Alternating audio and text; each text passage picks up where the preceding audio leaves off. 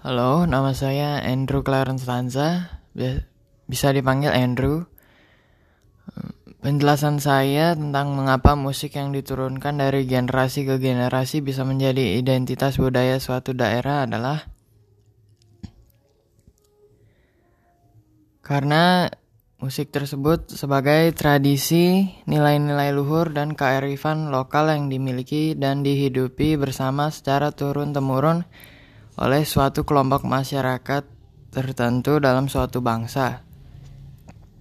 Kebudayaan tersebut juga dapat dimaknai sebagai identitas kolektif atau jati diri suatu daerah tersebut. Terima kasih.